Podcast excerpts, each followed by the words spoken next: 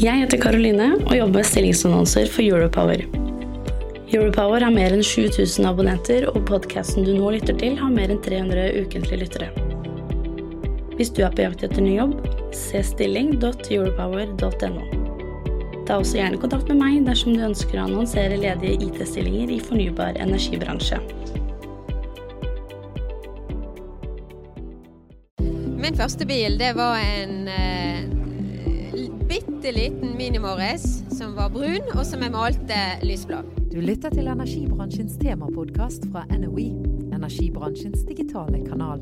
Denne episoden inneholder produktplassering. Bransjeorganisasjonen Energi Norge samlet nylig rundt 300 deltakere på deres årlige vinterkonferanse. Tema for årets konferanse var Det grønne kappløpet. Jeg heter Skjul Kristian Aamodt. Jeg er administrerende direktør i Enery, energibransjens digitale kanal. Jeg var til stede på konferansen og tok en prat med noen av foredragsholderne. Sendingen presenteres av Energi Norge. Jannicke Hylland er administrerende direktør i BKK. På vinterkonferansen fortalte hun om sin første bil.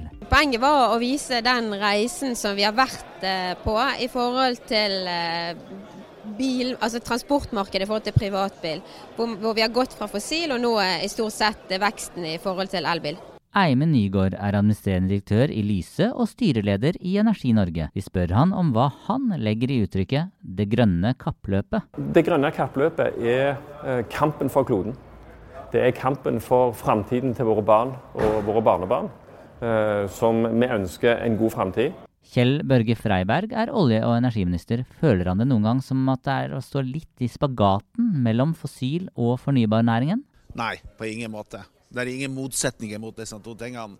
Det er derimot uh, to fantastiske muligheter som vi er opptatt av å utnytte på uh, best mulig måte. Og det mener jeg også denne regjeringa gjør.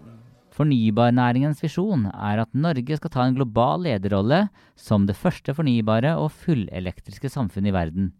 Vi spør statsråden om hvor langt vi har kommet. Vi er på tur der at vi elektrifiserer eh, enda mer eh, ut av det som allerede er elektrifisert. Her er Norge et foregangsland. Det skal vi være stolt av, og så skal vi videre. Og uh, vi elektrifiserer båtene våre, og vi elektrifiserer bilene våre, som ingen andre gjør. Uh, og vi er kommet veldig langt. Men vi skal fortsette. Så vi er på tur uh, dit vi ønsker, nemlig å skal ha et helt og fullstendig elektrifisert samfunn. Knut Krapplien er administrerende direktør i Energi Norge. Hva legger han i uttrykket 'det grønne kappløpet'? Temaet for denne konferansen det er det grønne kappløpet. Eh, og Det mener vi er minst i tre retninger. Et grønt kappløp med hensyn til klima, redusere utslipp. Et grønt kappløp med å få eh, lønnsomhet i de løsningene, altså næringskappløpet. Og så må dette kraftsystemet vårt henge sammen, og det haster eh, å få bygget om nett, batterier, lagringsstrukturer og selvfølgelig produksjon. Hva er beskjeden til politikerne for at vi skal, skal lykkes med dette grønne kappløpet? Ja, Et budskap er at næringen står klar. Vi har mulighetene i Norge til å utnytte fornybarressursene våre. Eh, til å få dette til. Eh, men beskjeden til politikerne er at vi også trenger et investeringsvennlig regime. Og særlig vannkraften, som er ryggraden i det norske systemet med den regulerbare evnen. Eh, der må vi få et skatteskift som gjør at normalavkastningen ikke beskattes med grunnrenteskatt. Et spørsmål som ofte dukker opp på sosiale medier og i samfunnsdebatten generelt, er om hvorfor vi trenger mer fornybar energi i Norge. Er vi ikke allerede langt på vei i det grønne skiftet og det grønne kappløpet med vår fornybare vannkraft? Aukeland er konsernsjef i Statnett. De lanserte nylig en rapport om det elektriske Norge. Hovedfunnet er at vi eh, trenger kanskje å øke kraftproduksjonen med 30% i Norge for å kunne redusere CO2-utslippet, eller halvere CO2-utslippene i Norge. Det er kort og greit det som står i den rapporten. Og det vi har gjort, er å ha gått systematisk gjennom alle uh, ulike typer av forbruk. Og så har vi sett uh, jo, hvor kan man bruke ren strøm og hvor kan man ikke gjøre det. Og så har vi funnet ut at det er ganske mange områder hvor man kan faktisk bruke strøm. Gjør man det, så greier man å redusere, nesten halvere utslippene i Norge. Norge er en energinasjon, men i samfunnsdebatten så møter både olje og gass, vindkraft, utenlandskabler massiv motstand. Vi spør olje- og energiminister Kjell Børge Freiberg om hva en bred energibransje kan gjøre for å etablere en bedre dialog med folk flest. Du, Jeg opplever stort engasjement eh, rundt eh, alle disse tingene. Det syns jeg er veldig bra. Og så tenker jeg at det er viktig at alle deltar i denne debatten.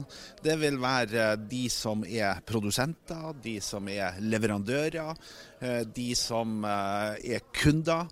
Og jeg tror jo på at uh, i den frie debatten der vi bryter meninger, så vil man òg på de plassene man treffer beslutninger, være best i stand til å treffe de gode beslutningene. Så det at det er diskusjon og debatt, uh, er ikke noe negativt for meg. Uh, det er en mulighet. Da Kjell Børge Freiberg sto på scenen på vinterkonferansen, minte han om at han også er statsråd for strømkundene. Vi spør han derfor om hva han tenker rundt de høye strømregningene som folk flest har fått i posten den siste tiden. Jeg har veldig stor forståelse for at veldig mange eh, både har fått en utfordring i forhold til den strømregninga de har fått i posten, og at de syns eh, strømregninga er høy. Og Derfor så jobber vi hver dag på å ha et best mulig balansert eh, kraftsystem. Og Da handler det om mange ting, men det handler også om å få mer fornybar energi inn i det kraftsystemet vi har. Der har denne regjeringa jobba godt, det skal vi fortsette med. Vi har gitt 500 nye eh, konsesjoner siden vi tiltrådte. Det er ganske mange, men vi eh, er ikke fornøyd, så den jobben skal vi fortsette. Det skal bli enda mer eh, fornybar kraft i det norske systemet, som selvfølgelig òg påvirker prisene. Norge har en stolt tradisjon med tanke på fornybar vannkraft. I tillegg blir vindkraft en større og større del av vår fornybare energiforsyning. Men også solceller opplever vekst. Maren Killingstad er administrerende direktør i Innenlandskraft. De satser på solceller, og vi spør henne om hvorfor. Vi gjør det fordi vi ser at det er noe kundene våre etterspør. Eh, og for oss er det også viktig i forhold til å kunne være bærekraftig og bidra inn mot fornybarsamfunnet.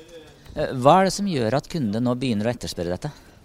Jeg tenker at det er eh, sammensatt. Det er noe rundt eh, økonomi.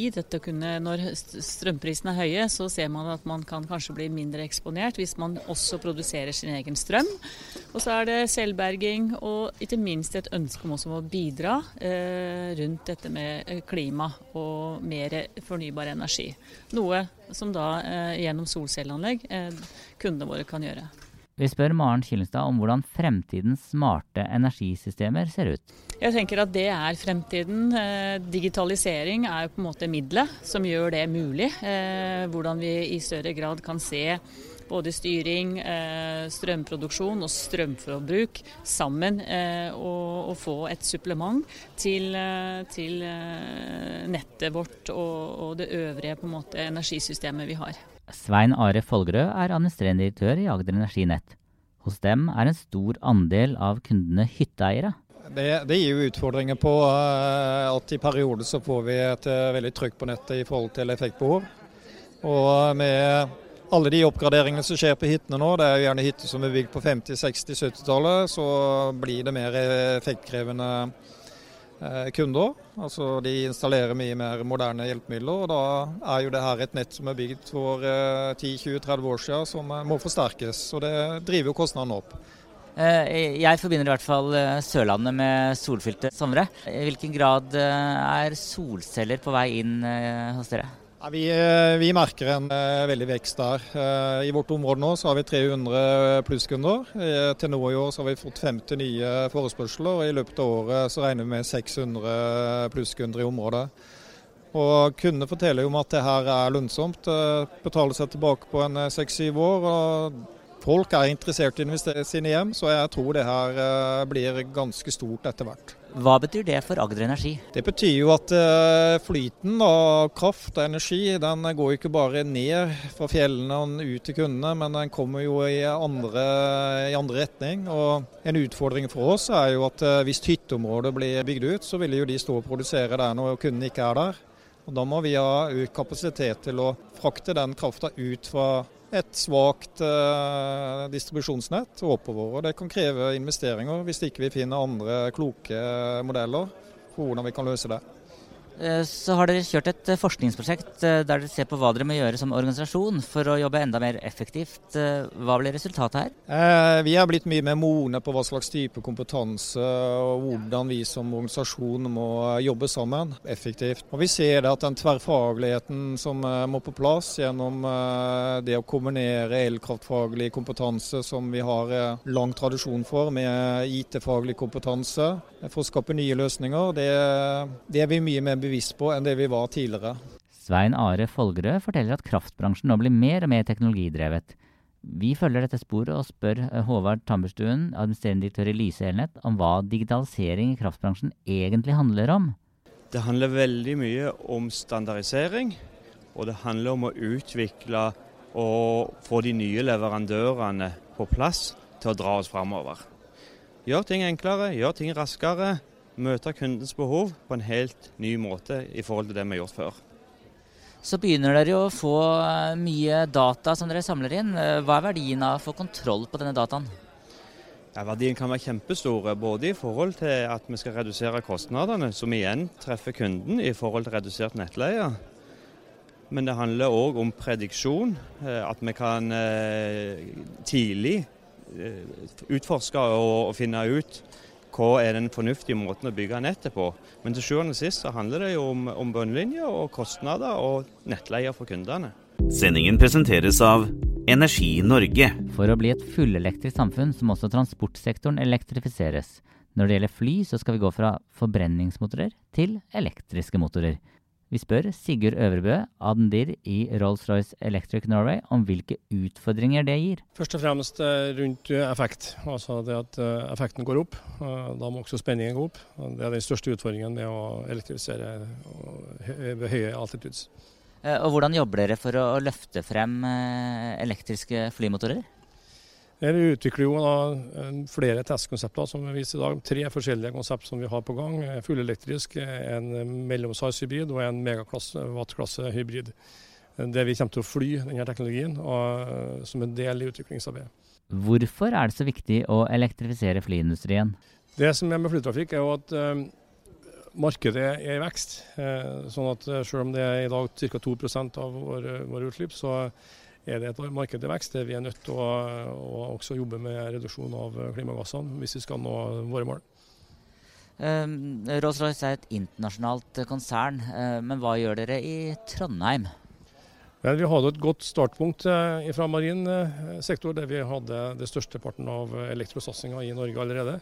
Sånn at En del av de her prosjektene har, har starta i Norge og vil fortsette å være i Norge, både pga. tekniske årsaker, Eh, men òg pga. Norge som et land der det er gode muligheter til å elektrifisere. Men når blir det vanlig med elektriske fly for folk flest på kortbanenettet?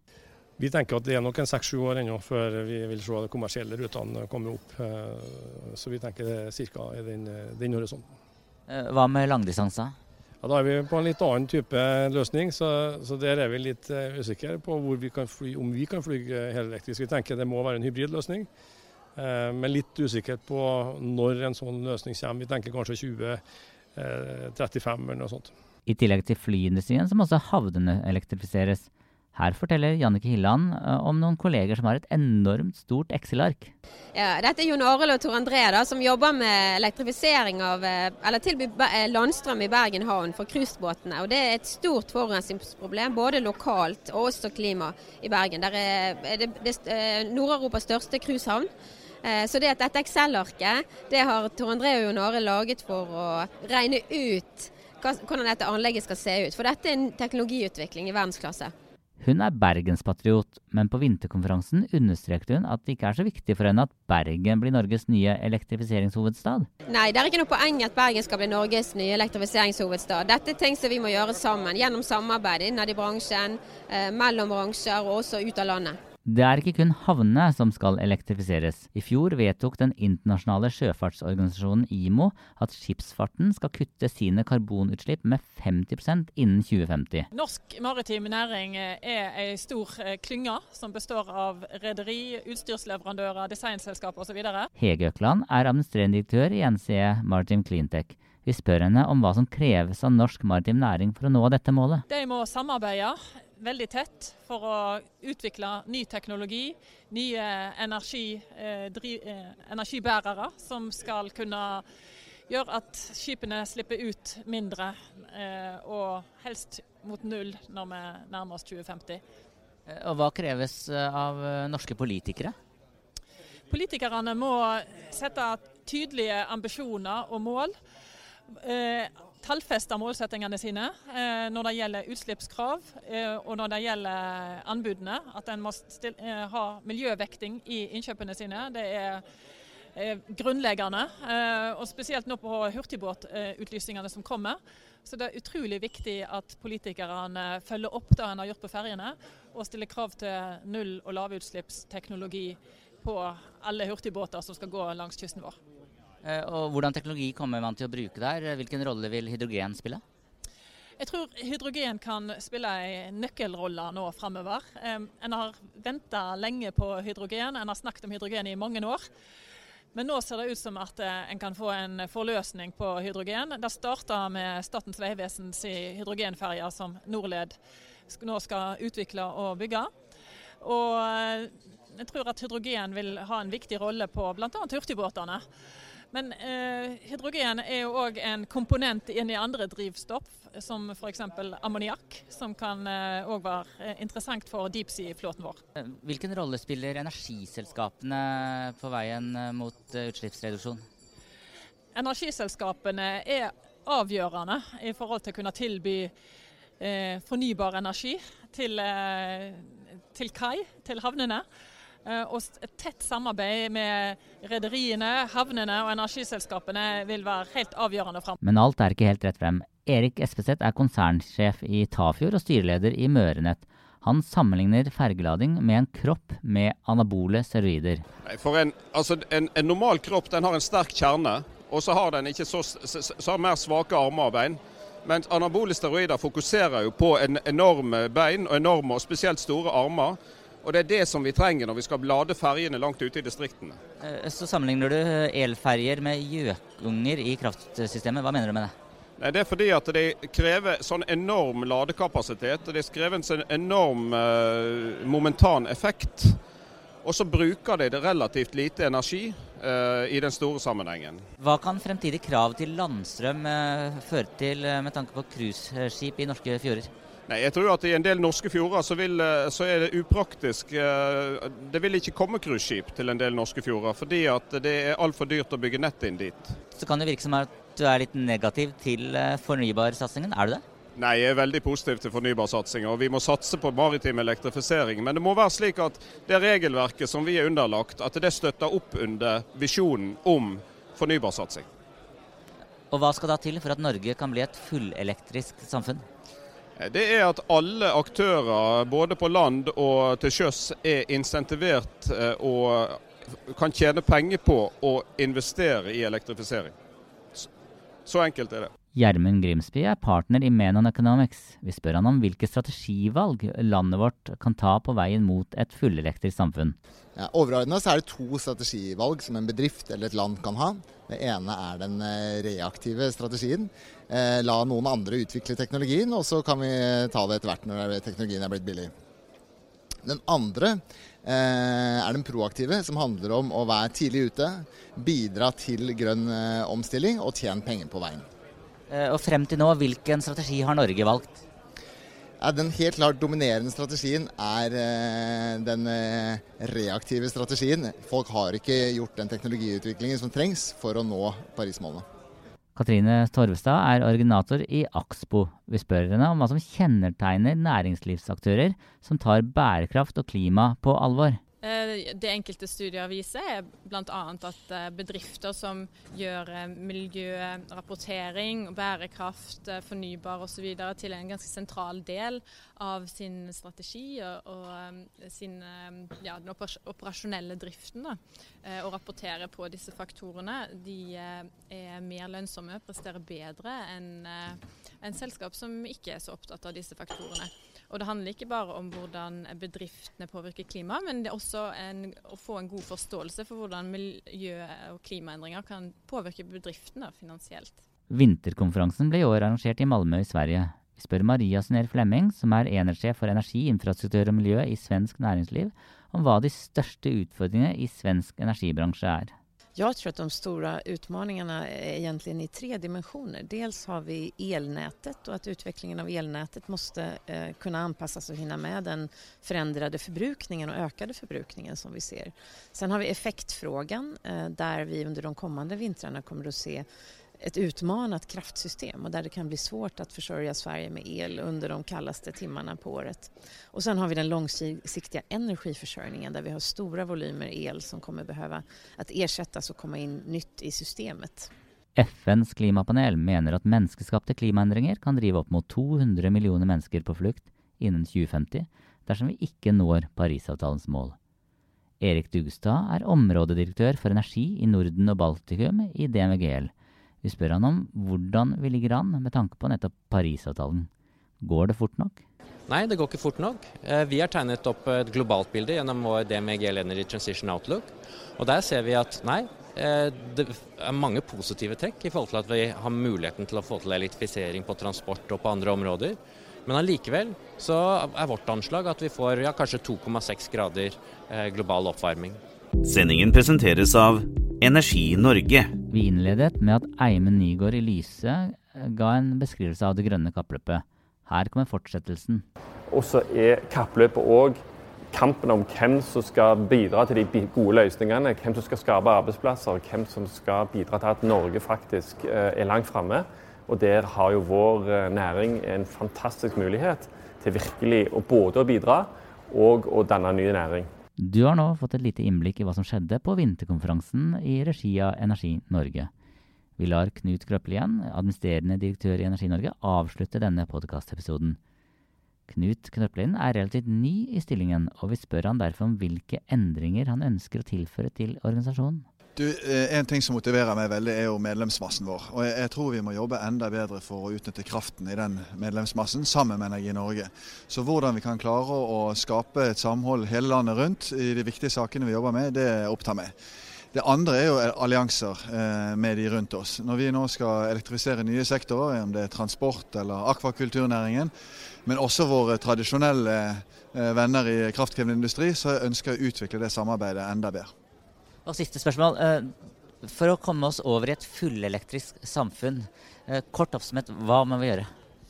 Ja, eh, dette drives jo delvis av politikk, eh, det vet vi. Eh, og eh, det vi har fått på plass med en karbonpris, det gjør jo at det også blir eh, rimeligere å utvikle de fornybare løsningene.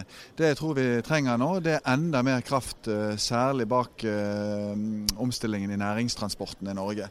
På privatbiler har vi jo etter hvert sett at teknologien vinner frem. Vi får veldig attraktive modeller på markedet. Men når det gjelder skipsfart, tungtransport på vei, luftfart, så må vi ha ha nye virkemidler. Og Regjeringen valgte jo ikke å gå videre med dette fondet for næringstransport som NHO har foreslått. Og Da blir det veldig viktig å utforme gode løsninger i Enova som spiller på lag med næringslivet. Jeg heter Skjul Kristian Aamodt, og jeg har nå gitt dere en liten smakebit av hva som skjer på den årlige vinterkonferansen i regi av Energi Norge. Kanskje treffes vi på neste års konferanse? Du har nå lyttet til energibransjens temapodkast fra NOE, energibransjens digitale kanal.